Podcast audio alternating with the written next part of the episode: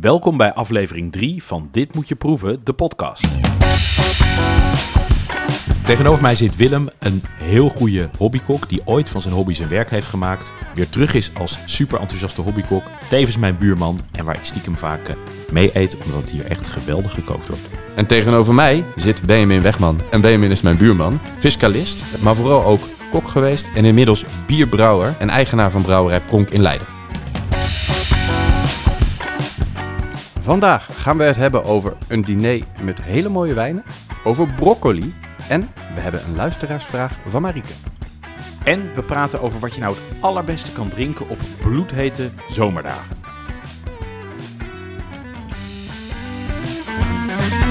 Benjamin, wat heb jij gedaan het weekend? Nou, ik had echt een mega goed weekend. Om eh, meerdere redenen. Maar een van de mooie dingen was, ik eh, ben bij een Paulé geweest. En eh, weet je wat het is, Willem, een Paulé? Nee, geen idee. Nou, het is echt mooi. Het is echt heel leuk. Want als je Paulé, en hoe schrijf je het? P-A-U-L-E-E. Gewoon zoals je denkt dat je het schrijft. Het is eigenlijk een Frans diner. En het komt eigenlijk uit de Bourgogne. Waarbij van oudsher na de oogst eigenlijk de wijnboeren eigenlijk een diner geven voor iedereen die heeft helpen plukken bij de wijnoogst. Hè? Want je hebt eigenlijk als wijnboer heb je het hele jaar door heb je misschien 1, 2, 3 mensen nodig. Voor je, Behalve onder, bij voor je onderhoud van je, van, je, van je ranken. Precies, of hè, voor het botten, of nou, noem het allemaal op. Het zijn allemaal werkzaamheden, maar tijdens de oogst heb je opeens heel veel handjes nodig. Nou, en, en om daar wat voor terug te doen, hè, is van oudsher een paulé. Nou, hoe werkt dat nou? Het is eigenlijk een diner met, plat gezegd, met veel wijn, maar ook met bijzondere wijn. Hè? Van oudsher houdt Maar de- had je dan ook helpen plukken? Nee, nee, nee, nee, nee, nee. Ik moet zeggen, het was niet in de Bourgogne. Het was in, eh, het was in Amsterdam. Ehm, het was eigenlijk een diner van mijn, eh, van mijn eh, zwager en mijn schoonzus to be die gaan trouwen. Een beetje wannabe Paulé. Beetje, nou, dit was wel echt, dit was wel echt, dit hoorde wel bij de grote jongens hoor. Het was echt, Qua Echt? wijnen wel. qua wijnen wel, zeker, zeker, zeker. Ehm, het was in een oud Amsterdams wijnpakhuis. Het was, we kregen de instructie, als je denkt dat je er niet bent, dan ben je er. Nou, zo gezegd, zo gedaan. Eigenlijk in een, in een normale straat in Amsterdam, een normale soort garagevoordeur, kon je aanbellen. Werd je binnengelaten en dan kwamen links en rechts allemaal pallets met hele mooie wijn. Kruip door, sluip door. En dan stond daar ergens in het midden een hele mooie tafel. Met daar omheen allemaal lege flessen wijn van allemaal eerdere diners. En, eh, en een keuken. En we werden helemaal in de watten gelegd. En de instructie die we hadden gekregen was... neem nou een wijn mee waar je een mooi verhaal over kan vertellen. Nou, en dat kan dus een fles zijn. Hè, bij wijze van spreken Albert Heijn huiswijn... die jouw eh, oma altijd dronk, waar je heel goede herinneringen aan hebt. Maar het kan ook die hele mooie fles zijn... waar iemand ooit tegen je heeft gezegd... hey, dit is een geweldige fles wijn, maak die open op een speciaal moment. Ja. Nou, dat was Of dus... die, of die je zelf hebt gekocht op een marktje in Frankrijk. Voilà, voilà, voilà. Nou, we hadden dus en, hè, we waren met z'n dertienen, we hadden iets van 22 flessen hele mooie wijn, 22 hele mooie verhalen. En het leuke is ook, je krijgt alleen maar de instructie, neem wit mee of neem rood mee. Ehm, en dat kan dus betekenen met wit dat je met een, gla- met een fles witte wijn aankomt, met een fles champagne of met een fles dessertwijn. En met rood, eh idem dito, kan port zijn, kan, eh, eh, nou goed, het kan van alles zijn. Het was echt magnifiek. Ja, magnifiek en, en, avond. en wijn is een kunde van jou. Zat er ook eten bij? ja, er zat zeker eten bij. Er, was, er werd ook echt waanzinnig, waanzinnig goed gekookt. Een van de prachtige gerechten was een ui. Een ui in zijn geheel. Die was echt urenlang gegaard. Daarna is die ui open... In, in een oven of zo? of- Ja, in een oven. ja. Daarna is die ui opengesneden. Eh, eigenlijk het binnenste van die ui is eruit gehaald. Dat gepureerd en op smaak gebracht. Daarna werden er langoustines gegaard in die soort uienpuree. En dat werd dan daarna, eh, had dat nog even getrokken. Nou, het was echt een waanzinnig En werd dat dan weer ge- geserveerd in die ui? Ja, Het, het leek dus of iedereen gewoon een hele ui kreeg, maar de bovenkant kon je er dus afhalen. Het was Ah, echt, echt een waanzinnig mooi gerecht. Heel vet. Groot feest. Ik had erbij moeten zijn. Eh, eh, Zeker weten, zeker weten. En we gaan naar het onderwerp van de week. Ja, het onderwerp van de week. Willem, wat moet ik proeven? Broccoli. Broccoli. Broccoli, broccoli, broccoli. Broccoli, broccoli. Maar waarom broccoli? Nou, ik, ik moet zeggen, ik werd voor dit onderwerp een klein beetje getriggerd... doordat ik wat in mijn historie eh, zat te bladeren op mijn telefoon. En ik, ik kwam bij, ehm, eh, bij een oud filmpje. Er is ooit een campagne geweest, volgens mij 2014 of zo... waarin eh, er in Nederland de campagne was om een groente op de kaart te zetten. Een beetje vanuit de filosofie, nou, er zijn allemaal hele toffe merken... die allemaal heel mooi producten verkopen met slogans en zo. Waarom zouden we dat nou niet eens een keer doen voor een toffe groente? De campagne heette Big Bang Broccoli. Is een heel vet filmpje van gemaakt. Uh, met hele mooie beelden, prachtig. Uh, uh, de stem van David Attenborough eronder. Ja, niet David Attenborough, maar dit is zo'n stemacteur This uit, really uit, broccoli. ja, zo'n stem uit Nieuw-Zeeland. Zo'n man die dat heel goed na kan doen, zeg maar. Die is volgens mij ingehuurd. En het, ja, ik vind dat een heel mooi filmpje. En ik werd daardoor getriggerd. En ik, ik kreeg daar spontaan weer zin van... Een broccoli van in je keel. Ja, een broccoli van in mijn keel, ja. Ja, en uh, ja, ik, ik, ik vind broccoli... Uh, ja, bloemkool heeft natuurlijk ook wel, maar broccoli is ook, ook zo'n onwijs mooie groente. Met ja, gewoon al die stronkjes. En dan, uh, ja, elk stronkje op zich is ook weer een broccoli op zich. Um, en um, de laatste reden voor mij was om het erop te zetten... Het, het, het, is soms een beetje onderschat, denk ik. En vooral ook wel eens een beetje misbruikt. Hè? Overgaard soms. En, ja, zo. Maar Willem, ben jij stiekem een beetje verliefd op broccoli? Nee, dat wil ik niet zeggen. Maar wat ik wel leuk vind, want ik ben uh, in voorbereiding op deze aflevering ben, ben ik met broccoli aan de slag gegaan. Um, en ik heb, uh, dat heeft me wel geïnspireerd om met broccoli te koken. Dus dat is heel leuk. Leuk, leuk, leuk, leuk. We gaan beginnen met wat feitjes. Ja, het is, het is, het is eigenlijk een groente uit de familie van de kolen. Nou ja, logischerwijs ver, verwant aan de bloemkool. Hè, daar, daar lijkt hij misschien visueel, visueel ook wel een beetje op. Maar ook aan de knolraap, aan spruitjes. En, uh, en kool in het algemeen. Hè. Ja, Dus boerenkool. boerenkool, uh, witte kool, savooiekool. Um, daar, daar is die familie van. En over de naam, wat ook echt leuk is, het is dus het meervoud van het Italiaanse woord broccolo. En broccolo betekent de bloeiende top van een kool. Um, en eigenlijk is dat net zoals spaghetti. Spaghetti is dus eigenlijk het meervoud van spaghetto. En uh, nou ja, als je twee espresso bestelt, uh, bestel dan vooral uh, due espressi. Want uh, een i-uitgang is vaak meervoud. Ja, en die, die, dat meervoud van broccolo, dat klopt ook weer. Ja, de broccoli, broccolo als de, wat je zei, de bloeiende top van een kool klopt ook weer niet helemaal. Want pas als hij geel wordt, is hij echt aan het bloeien. Ja, maar dan eten we hem niet meer. Nee, dan willen we hem niet, hè? Dan willen we hem niet. En, en, en, het leuke is, 8000 jaar geleden is hij eigenlijk ontstaan als ontwikkeling van een andere kool. Hè? Dus ze waren eigenlijk vroeger al aan het kruisen met groenten om eigenlijk die groenten, nou ja, hè, het soort te veredelen. En nu is Nederland daar bijvoorbeeld uh, volgens mij heel goed in, maar schijnbaar vroeger dus ook. Um, ja, toen was Nederland er niet goed in. Maar... Toen was Nederland er niet goed in.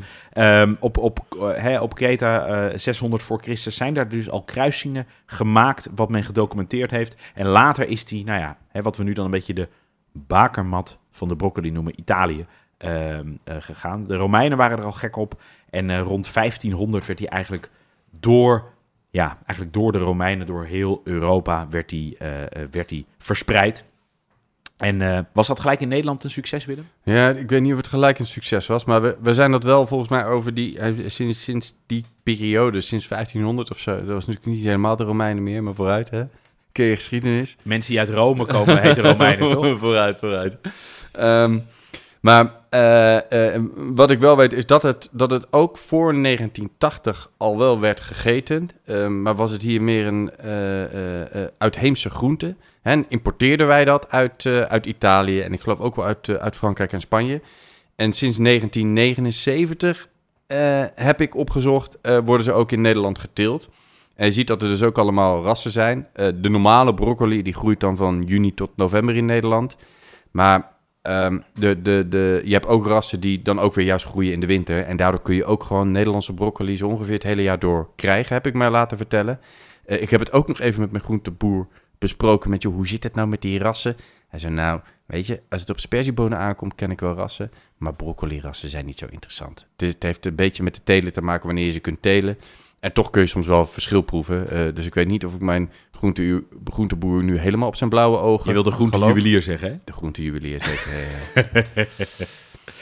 uh, maar wat, wat heel leuk is, we, we, we, eten het wel veel in Nederland. Uh, sinds 1995 is de uh, consumptie bijna 1000% gestegen. Wow. dus dat is, dat is echt immens. Ehm, dus de, ja, we, we eten het heel graag en heel veel in Nederland.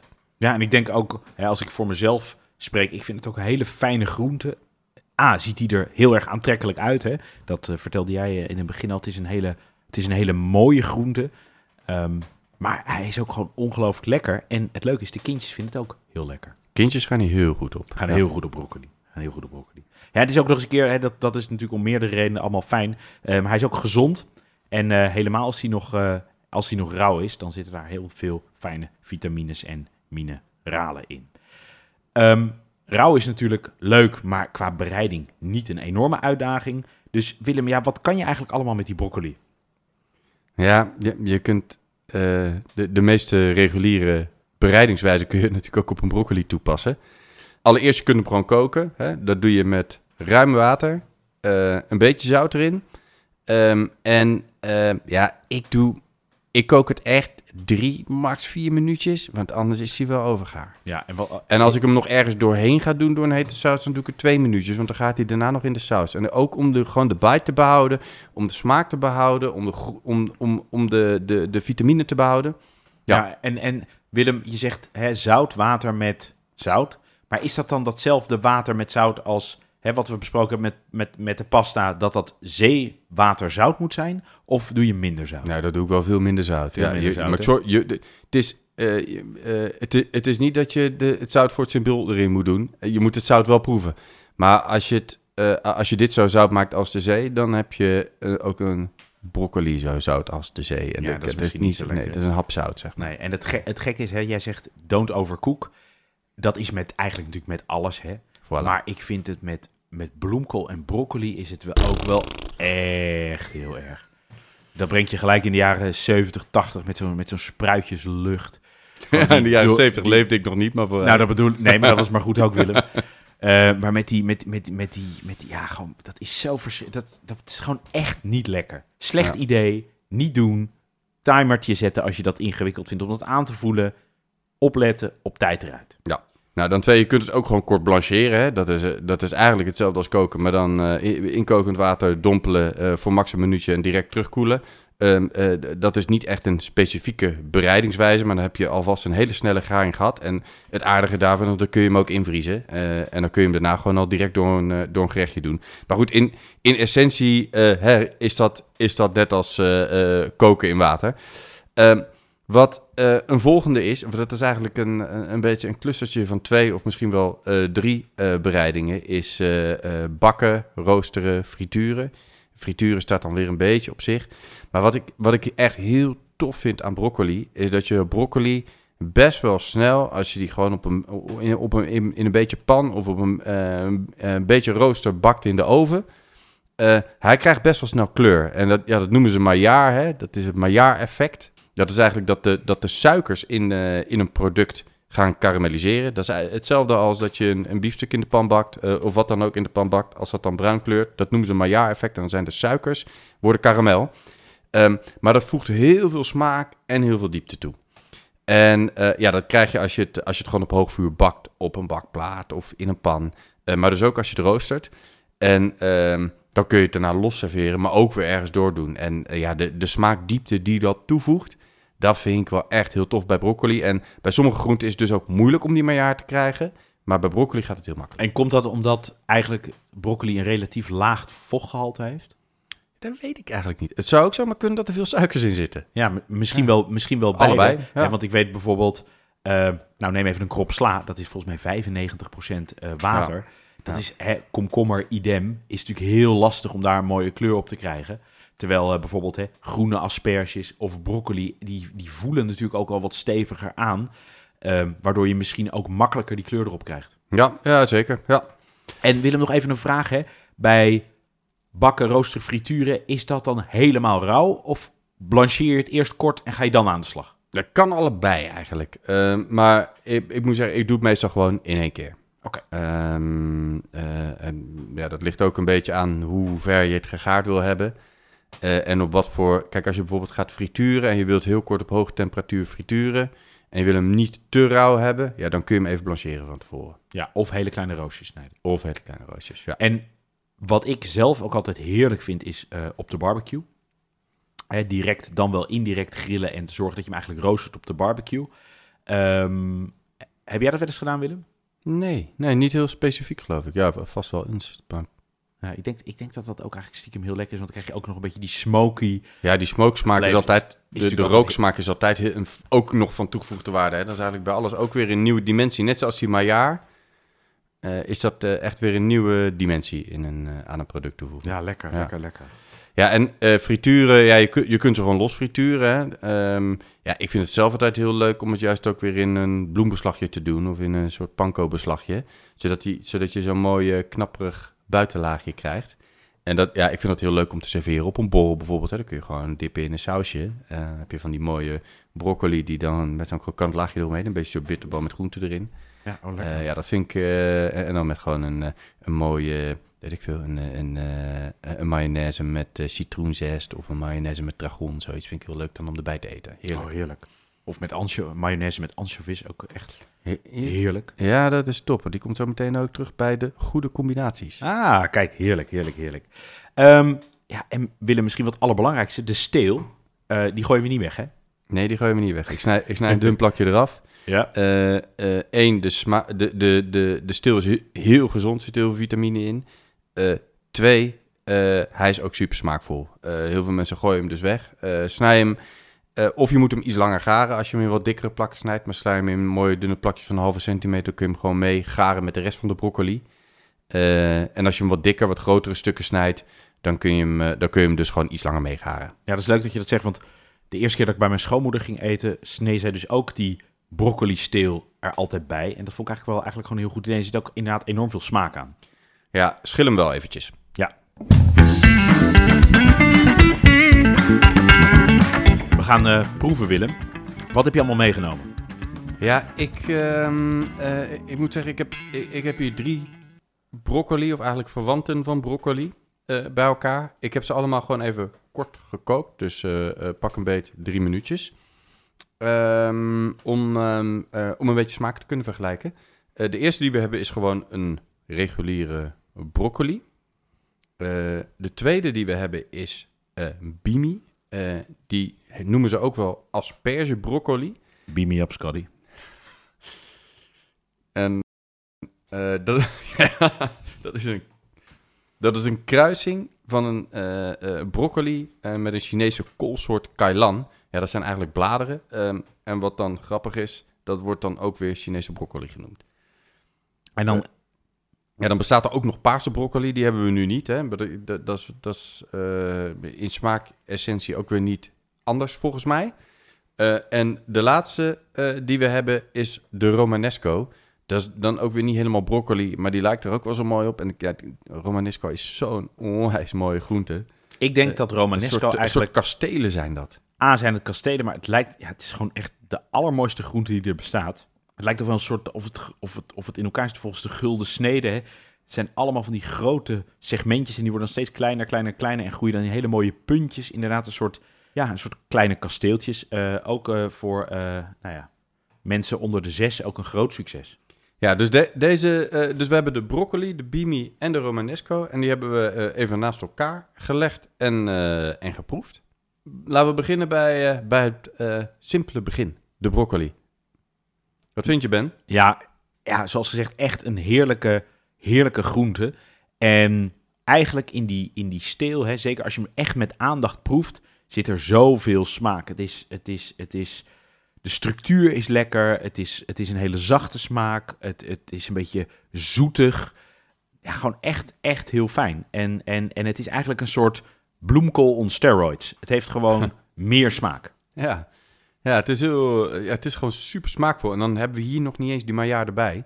Nee. Ehm, en als je, de, als je dan doorkijkt naar de bimi, hè, je, je ziet daar heel veel hetzelfde. En wat, heel, wat ik heel grappig vind, is dat je...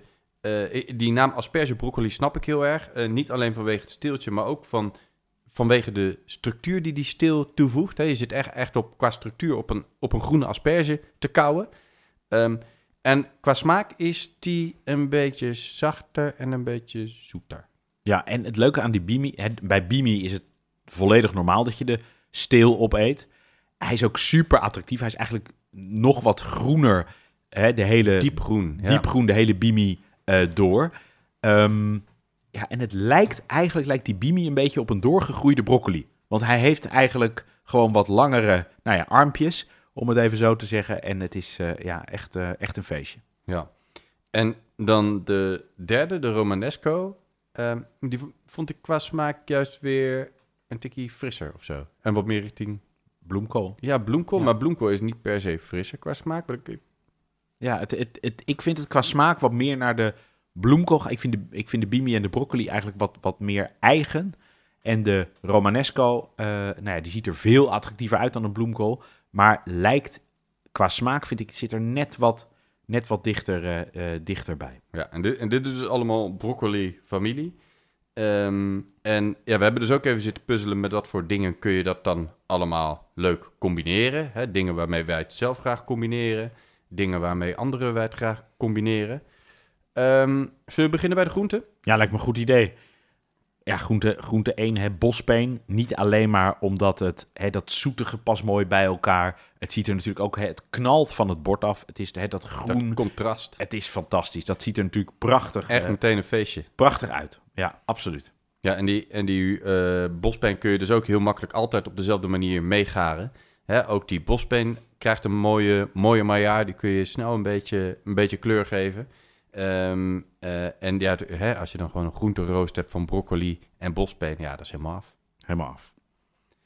Paddenstoeltjes vind ik heel lekker bij de, eh, om erbij te eten. Ja, en een klassieke, ja goed, volgens mij kan dat overal bij, maar ik vind hem bij broccoli echt ook onwijs lekker tomaat. Ja, en over contrast gesproken, daar is contrast natuurlijk helemaal mega. Ehm, een, een- eigenlijk nog een bospeen ertussen en je hebt een soort verkeerslicht. Ehm, wat voor, eh, wat voor eh, vlees of vis eet jij hierbij? Nou, heel, hè, ik zei het al eerder, anchovies vind ik heel erg lekker. Hè, dat zoute, dat volle, dat, dat, dat, dat olieachtige van die anchovies... met dat zoetige van die broccoli en die lekkere structuur. Hè, En als je dan zo'n zo'n zo'n roosje broccoli hebt... en je hebt dan die, die saus blijft ook zo lekker aan die, aan, aan die bovenkant hangen. Hè. Je kan hem echt zo lekker stiekem erin dopen... zonder dat het heel erg opvalt op een, eh, op een borrel... dat je gewoon stiekem, stiekem gewoon lekker staat te eten. Heerlijk. Eh, echt heerlijk, heerlijk, heerlijk, heerlijk. En vlees, eh, Willem? Ehm, nou, het eerste wat in mij opkomt, want dat, zilte is gewoon heel lekker, hè? dat zouten. Ja. Eh, dus ja, ook gewoon bacon, pancetta, misschien wel wat, wat mooie Italiaanse ham of zo, hè, rauw. Heerlijk. Ook heerlijk. Zo'n zo'n soort, dat, dat is een beetje wat ik er graag bij eet. Ja, en dan, en dan hè, broccoli en kaas is natuurlijk ook echt, echt een heel goed huwelijk. Blauwschimmels zoals eh, gorgonzola, Maar qua structuur, dat romige is überhaupt heel lekker. hè. Dus- altijd. ja. Dus eh, daarom had ik, hadden we het er straks ook over dat frituren en dat dan dippen in een mayo. Ja, mayo Ja. is ook echt top erbij. Of gewoon in een roomsausje is ook echt fantastisch, hè, door je pasta. absoluut, absoluut. En, en daar eigenlijk, hè, eigenlijk zijn die, die, die drie dingen, past, hè, kennen we natuurlijk stiekem ook een beetje van de, van de bloemkool. Hè, het ouderwetse, ouderwetse kaassaus, die doet het natuurlijk ook fantastisch, eh, fantastisch bij de broccoli. Ja, en dan hebben we... eh, eh, ja, je, kunt er ook nog wat kruiden mee combineren. Hè. Knoflook ga, ga ik echt heel goed op. Dat is echt eh, knoflook überhaupt. Hè. Maar met, broccoli is ook echt een hele toffe combinatie. Net zoals met bloemkool, nootmuskaat. En ik vind het ook heel tof om het te combineren met masala. Dus eigenlijk een beetje curry-achtig. Hè, dan kun je door een curry saus doen, maar je kunt het ook gewoon kruiden met curry en dan door een bloemkoolbeslagje halen. Eh, hè, die smaak van, dat, van die, eh, eh, ja, dat is gewoon een, een, een Aziatisch kruidenmengsel eigenlijk, hè, maar met, met komijn en dan, ja, vaak een combinatie van allerlei dingen. Maar ja, dit, dat is zo fantastisch. Die Aziatische keuken, dit, daar past het op een of andere manier heel lekker, heel lekker in. Ja, het is natuurlijk ook weer familie hè, van, van, die, van die Chinese broccoli. Dus het zit ook heel dicht allemaal bij dat soort, bij dat soort Ja. mooie keukens. Hey, en, en Willem, wat, wat voor gerechten maak jij nou graag met, met, met, deze, met, deze, met deze mooie drie?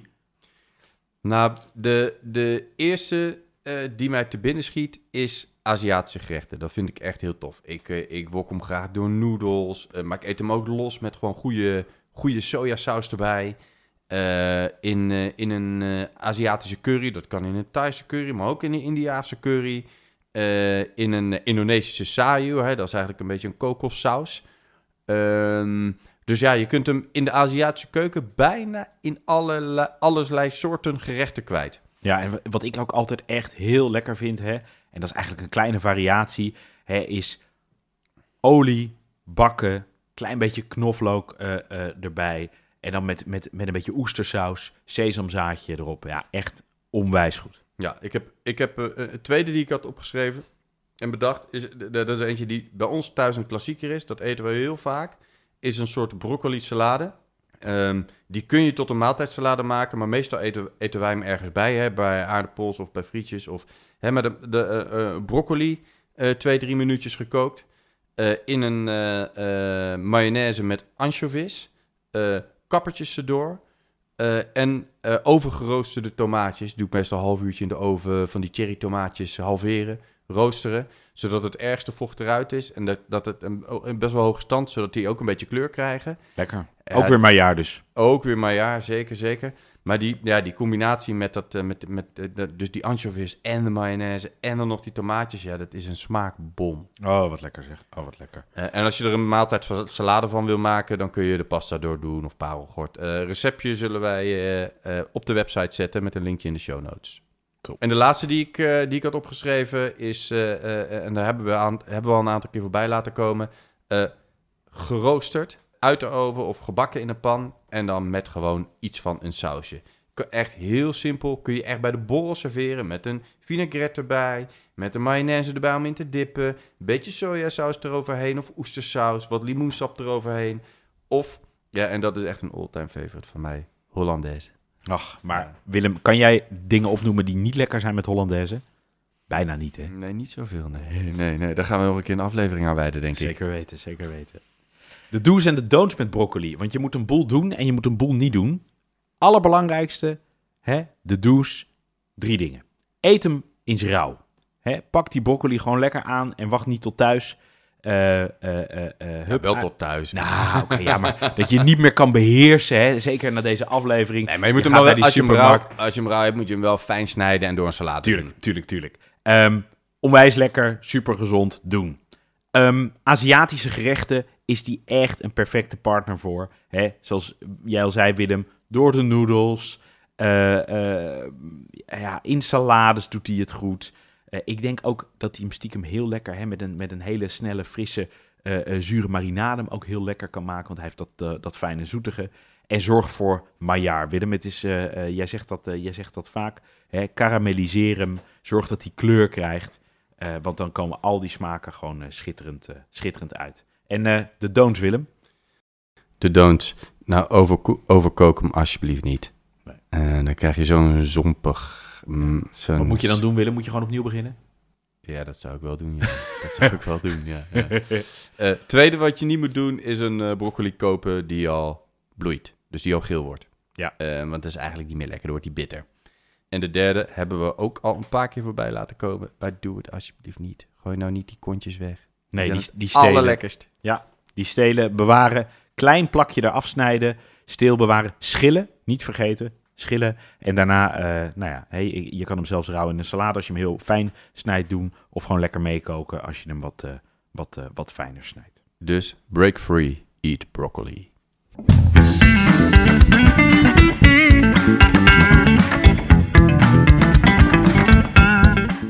En we gaan hier natuurlijk ook wat eh, lekkers bij drinken. Ook deze keer weer eh, de drankjes mede mogelijk gemaakt door Wines More in Leiden. Waarvoor bijzonder veel dank bij deze. En eh, Willem, wat drinken we vandaag? Ja, we, we hebben het een beetje anders dan anders gedaan. Ik heb niet per se drankjes uitgezocht die lekker zijn bij broccoli. Oh, oh, wel, ik denk dat je het allemaal prima bij broccoli kunt drinken, want broccoli is zo allround, hè. Maar het is zomer ehm, en we drinken vandaag wat je moet drinken, moet drinken of kunt drinken op van die bloedhete zomerdagen. Eh, dus stel je voor, het is een bloedhete dag. Eh, het zweet druipt van je voorhoofd en aan het eind van de middag plof je in de tuin, op het terrasje, voetjes omhoog, borrelhapje en een drankje. Maar wat drink je dan? Nou, de eerste, eh, die, die, dat is een beetje een experiment, moet ik eerlijk bekennen. Ik, ik heb me daar zelf nog niet eerder aan gewaagd. Eh, dus we, ja, we, proeven dat nu hier ter plekke. Het is een drankje dat is eh, geïnspireerd volgens mij op de Scorpino.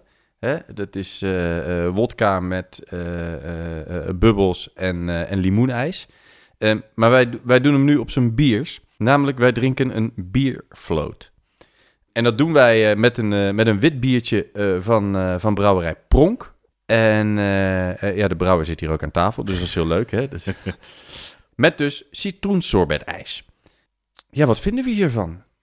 Ja, ik vind het eh, vooral fris. Het is, eh, ik moet heel eerlijk zeggen dat ik niet vaak limoensorbetijs in bier heb gedronken. Eh, maar heel stiekem, hè, dat witbier dat maken wij met vier granen. Met rogge, haver, tarwe en gerst.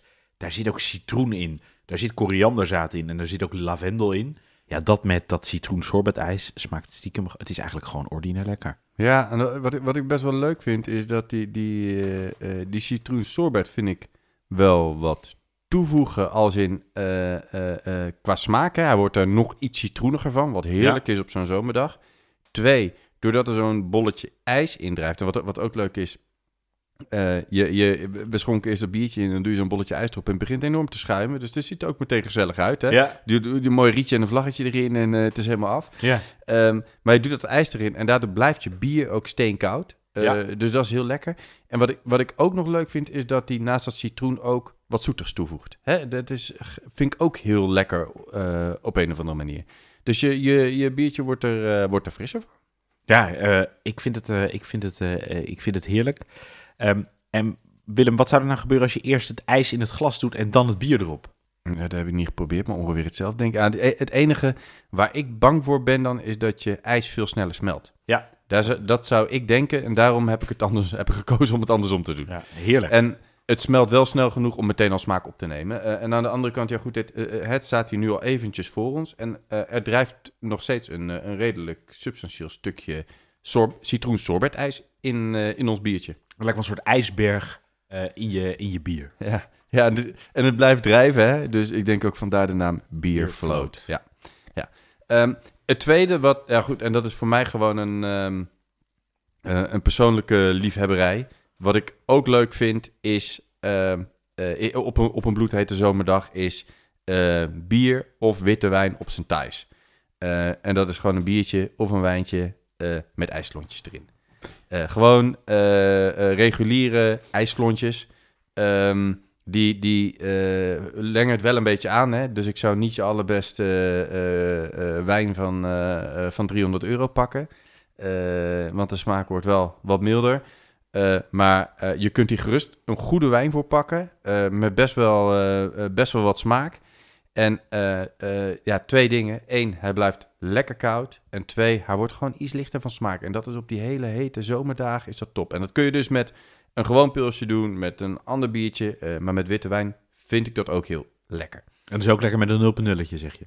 Eh, ja, een nulletje vind ik ook echt top. Ja, de- zeker op die bloedhete dagen kan die alcohol erin beuken. Ja, Eh, dus, dan, dus dan is een nulletje met ijsklontjes is ook echt top. Het blijft lekker koud. Je kunt in de zon blijven zitten. Je hoeft niet op en neer te shocken in die, dat het zweet weer op je voorhoofd staat. Hè. Eh, het blijft gewoon lekker koud. Dus eh, ehm, ik, eh, ik, ik raad dit iedereen aan. Bier of witte wijn op zijn thijs. En jij, en jij had ook nog een rode wijn uitgezocht, Ben. Ja, want het is natuurlijk, hè, de go-to is inderdaad wit of rosé. Maar wat ook leuk is, ook als het heel erg warm is, je kan ook voor rood gaan. En daar zijn best wel veel mooie wijnen. Hè, je kan eigenlijk met heel veel rode wijnen aan de slag. Denk dan bijvoorbeeld aan een Pinot Noir, is daar heel goed voor. Maar eh, we hebben nu nog eh, wat anders meegenomen, namelijk een Fleury. En Fleury komt uit de AOC, dus uit de Appellation d'Origine Contrôlée. Dus de geografische beschermde herkomst eh, bij het plaatsje Fleury. De druivensoort is eh Gamay. Is eigenlijk een hele oude variëteit uit de Bourgogne. Super veel aangeplant in Frankrijk. Volgens mij is het de vijfde of zesde aangeplante druivensoort in Frankrijk met meer dan 30.000 hectare. En eh, ook buiten Frankrijk is die wijn enorm populair. Of die druif enorm populair. Hè? Eh, Zwitserland heel bekend, Duitsland, Servië. En eh, zelfs in Turkije is er eh, 236 hectare aan Gamay aangeplant. Bijzondere, bijzondere rode wijn. En wat hier fijn aan is, het is een lichte wijn. Het lekkerste is om hem gekoeld te drinken. Hè, en dan dus niet 2, 3 graden ijskast, maar hè, licht gekoeld. Moet je denken aan 10, 11, 12 graden. Ja, En- dus, dus dan bewaar je hem in de koelkast. Half uurtje voor je zegt, drinken, haal je hem eruit. Of misschien op zo'n hete dag is een kwartiertje ook wel genoeg. Hè? Ja, en als je nou in de gelukkige omstandigheid bent dat je een mooie kelder in je huis hebt, is vaak keldertemperatuur is ook al heel goed. Eh, maar schroom ook niet hè, als het echt warm is. Koelertje, ei, eh, water, een paar ijsblokjes erbij. Eh, geen citroensorbetijs natuurlijk, maar gewone ijsblokjes erin. En dan koel je lekker die rode wijn lekker terug. En dat is fantastisch bij bijvoorbeeld de, al die bereidingen van mooie broccoli. Maar ook hè, met een barbecue, met, met, met op het moment dat het gewoon hè, ook verfrissend moet zijn, kan je ook echt goed eh, bij rood eh, terecht. Ja, eh, eh, dit is dus een, eh, deze specifieke wijn. Hè? Ehm, als ik nou voor zo'n soort wijn, die je dan lekker licht gekoeld op zo'n hete zomerdag kan drinken, eh, naar mijn wijnboer ga, hè? dan vraag ik om eh, een eh, lichte, fruitige wijn. Waar, moet dat verder aan voldoen? Waar vraag ik verder naar? Nou, ik zou altijd kiezen voor eigenlijk wijnen met weinig of geen houtlagering. Niet 14,5, 15 procent. Hè. Eh, Fleury doet het heel goed. Eh, de meeste Pinot Noirs doen het goed. Maar pak dan geen Pinot Noirs uit de hete gebieden. Hè. Dus niet te veel Pinot Noirs uit de nieuwe wereld. Want die hebben dan gewoon eigenlijk, ja, klinkt gek, maar die zijn gewoon te stevig. Ehm eh, Beaujolais kan het ook heel goed doen. En, en gevoel, gevoelsmatig zeg ik dan ook weinig tannines. ja, exact. Toch? Dat, Ja. hebben, dat, hebben die, dat hebben die Ja, dat wijnen. hebben die wijnen. Dat ja. hebben die wijnen ook. Ja, ja. En wat natuurlijk ook altijd meespeelt, is hoe koeler je iets maakt, eigenlijk, ehm, hè, dan, dan gaat die bloem van smaken gaat eigenlijk gewoon iets meer dicht.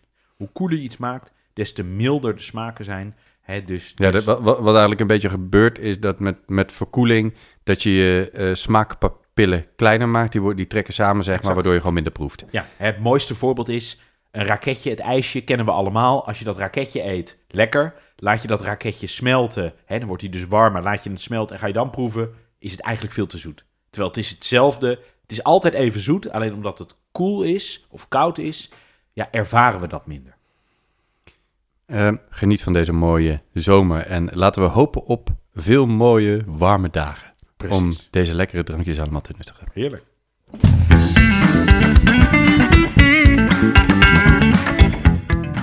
En we hebben een luisteraarsvraag van Marieke uit Amsterdam. Ik blijf het een uitdaging vinden om mijn rijst niet klevend te krijgen. Hoe doe ik dat? Ehm Marieke, hartelijk dank voor jouw vraag. Goeie vraag. En ik denk ook dat eh, nou ja, meer mensen hiermee eh, worstelen. Ik heb het zelf ook wel eens gehad. En dan wil je van die hele mooie droge korrels. En dan lijkt het toch een soort ja, sushi-rijst, of in ieder geval te plakkerig. Hè? En dat is niet erg als je risotto wil maken of, eh, of eh, sushi-rijst, hè, want die hoort een beetje plakkerig. Maar als je dat niet wil, dan wil je dat, eh, wil je dat voorkomen. En, nou, zoals eigenlijk met alles, het begint altijd bij het begin. En dat is namelijk, wat koop je? Hè? Wat koop je in? Koop goede rijst. Hè, ehm, stap af van pakje snelkookrijst of, eh, of vlug klaar of noem het allemaal op. Hè, ik, ik heb een aantal jaar geleden heb ik bij een hele goede, hele goede winkel hier in de buurt heb ik een goede rijst ontdekt. Dat, is, eh, dat, is een, eh, dat is een basmati rijst, maar dan niet de normale pakjes die je ziet, maar soort, ja, soort, soort linnen zakken van 5 kilo, die aan de bovenkant ook zijn dichtgenaaid. Eh, je kan het eigenlijk eh, niet lezen, want het staat allemaal in talen die ik allemaal helaas niet machtig ben. Maar als je goed oplet en je volgt de nou ja, beschrijving die erop staat, die volg je goed, krijg je echt waanzinnig mooie langkorrel eh, rijst. Volgens mij is dat eh, Stella Basmati eh, rijst. Eh, daar word je heel, eh, heel, eh, ja, heel, heel blij van. We zetten wel even een linkje in de show notes. We zetten zeker een linkje in de show notes. En eigenlijk hè, die buideltjes, ja, eigenlijk zou je ze moeten verbieden. Ehm, ook belangrijk, wassen en weken. Het hoeft niet bij alle soorten, ook niet bij, bij sommige soorten groenten, maar bij, heel vaak moet het wel wassen. En dat doe je eigenlijk om eh, overtollig zetmeel eraf te krijgen. En dat is, tenminste, ik heb geleerd altijd wassen, hè, want eh, als, het, eh, als je het eh, verplaatst, als je het vervoert, gaan die korrels weer schuren en dan komt er weer zetmeel los. Ja, klopt. En het staat ook op die zak, staat ook dat je moet wassen. Ik heb stiekem ook wel eens een keer het wassen vergeten en dat maakte toen eigenlijk niet zoveel uit. Maar er zijn rijstsoorten die je absoluut moet wassen, want anders, nou ja, tussen aanhalingstekens mislukt het. Ehm, je kan, het wordt nooit slechter van wassen. Dus altijd eh, als je... Als je, als je Nou, eh, als je risotto maakt wel. Want Nee. bij risotto heb je dat juist nodig. Oké, hè? van. Maar dan heeft het te maken met het gerecht waar je juist Ja. die eigenschappen eh, wil. Ehm, en sommige rijst moet je ook weken. Ook op deze pakken staat dat je het eigenlijk drie kwartier tot een uur eerst moet weken in En het water. kan in alle hè, wassen en weken kan nooit kwaad. En je, je ziet ook, dat is heel grappig, als je, als je wijn, of als je wijn, als je... zo. Ehm, eh, als je, eh, je... Je ziet het ook, eh, als je wijn weekt... Zo. nou, dit moeten we even repareren. Je, je ziet het ook. Ehm, als je rijst weekt vooraf en je laat dat gewoon eh 1, 2 uurtjes staan, dan zie je op een gegeven moment daalt dat stof een beetje neer. En als je hem dan afgiet, zie je dat je op een of andere manier dat de korrels veel beter los van elkaar zijn. Ze zijn al een beetje geweld. En eh, ja, dat, dat helpt echt. Geweldig, zou ik zeggen. Ehm, volgende tip die ik eh, zou hebben is: eh, kook je rijst een dag van tevoren. Helpt ook altijd. Hè? En, en zet het in de koelkast. En dan heb je de dag daarna bijna altijd prachtige, mooiere, drogere rijst. Hè, dat zie je ook als je het zelf hebt bereid en je bewaart een beetje voor de volgende dag. Kijk er maar eens naar. Het is altijd veel mooier en droger. En dan kun je het gerust weer makkelijk opbakken. Ehm, dan is er nog een dilemma met eh, het droog koken. Eh, hè, dus de, ja, ze zeggen dan een vingercootje water boven de rijst of afgieten. Ja, eh, mijn oma kookt het altijd droog. En volgens mij doen de meeste mensen dat. Maar afgieten gaat ook hartstikke goed. Ja, ik vind eerlijk gezegd dat droogkoken altijd een kunst. Hè, om het echt dan perfect te krijgen. Dat, je dus, dat, dat de rijst net die het laatste vocht heeft opgenomen. En dat die rijst dan perfect gaar is. Ik kies eigenlijk altijd voor afgieten. Nou, het kan allebei. Volgens mij, volgens mij kan het allebei. Kijk, het, het voordeel van dat droogkoken is, is als, als, als je echt goed uitkomt aan het einde, ook qua garing, hè, als je precies genoeg water erin hebt, dan is het aan het eh, einde helemaal verdampt. Dan blijft het loeiheet. En het allerlaatste water kan dan ook nog verdampen.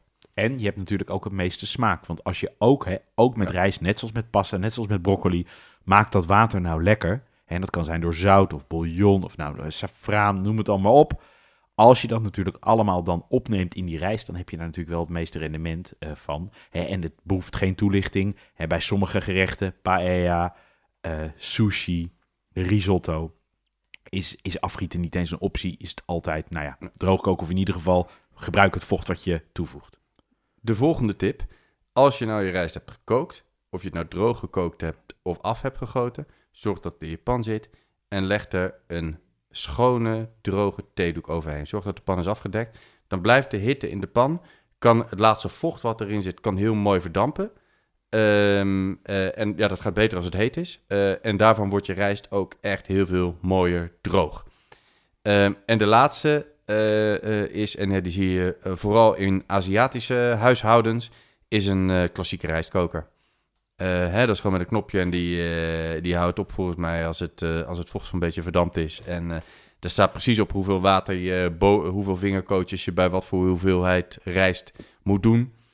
Ehm, en ja, mijn ervaring is, als je daar de instructies helemaal goed volgt, dan krijg je altijd perfecte rijst. Ja, en dan kom je toch nog een beetje hè, het laatste redmiddel. Als die dan toch plakt en, je, hè, en in een gerecht waar je dat niet wil, wat je altijd nog kan doen is koud spoelen. Hè, dus, dus als je plakkerige rijst hebt, onder de kraan ermee, In een vergietje. in een vergietje, afspoelen en eh, maar hopen voor het beste. En ja, En, en af, afspoelen, door blijven roeren Ja, met je ja. hand, zodat het echt, echt koud wordt. ja, Eh, en dan spoel je op een of andere manier nog die, eh, die zetmelen een beetje weg. en dan maar hopen. Hè. Ja, en ja, als het dan toch nog plakt, moet je opnieuw beginnen. Ja, moet je opnieuw beginnen. Eh dankjewel Marieke voor jouw eh, leuke luisteraarsvraag. Eh, we hopen dat we je een beetje op weg hebben geholpen. En, en, en laat ons vooral weten of, het, of het een beetje beter gaat, dat rijst koken. En heb jij nou ook een culinaire vraag of een gouden tip? Mail jouw culinaire luisteraarsvraag naar vraag@ditmoetjeproeven.com. We zorgen dat de leukste vraag ook altijd een leuk aardigheidje krijgt. En wie weet komt jouw vraag terug in de volgende uitzending. Dat was het voor deze keer. Over twee weken zijn we er weer. Waar gaan we het dan over hebben? We gaan het hebben over goudse kaas. Volgens mij ben jij aan de beurt voor de uitsmijter. En in de tussentijd, kook met liefde, proef alles wat los en vast zit en geniet met volle teugen. Cheers!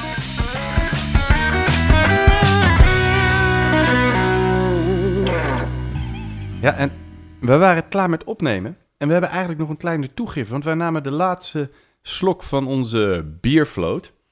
En eh, ja, dat maakte hem wel af. Die laatste slok, dan heb je, eh, heb je nog een klein stukje van dat, eh, van dat eh, citroenijs erin. met nog een beetje bier. Ja, dat is echt, echt een topcombinatie. Echt een soort, nou ja, soort boom op het laatste, soort it goes out with a bang. Heel lekker, gewoon vol citroen, vol bier. Ja, gewoon echt, word je echt, echt heel blij van. Ga dat proberen. Precies.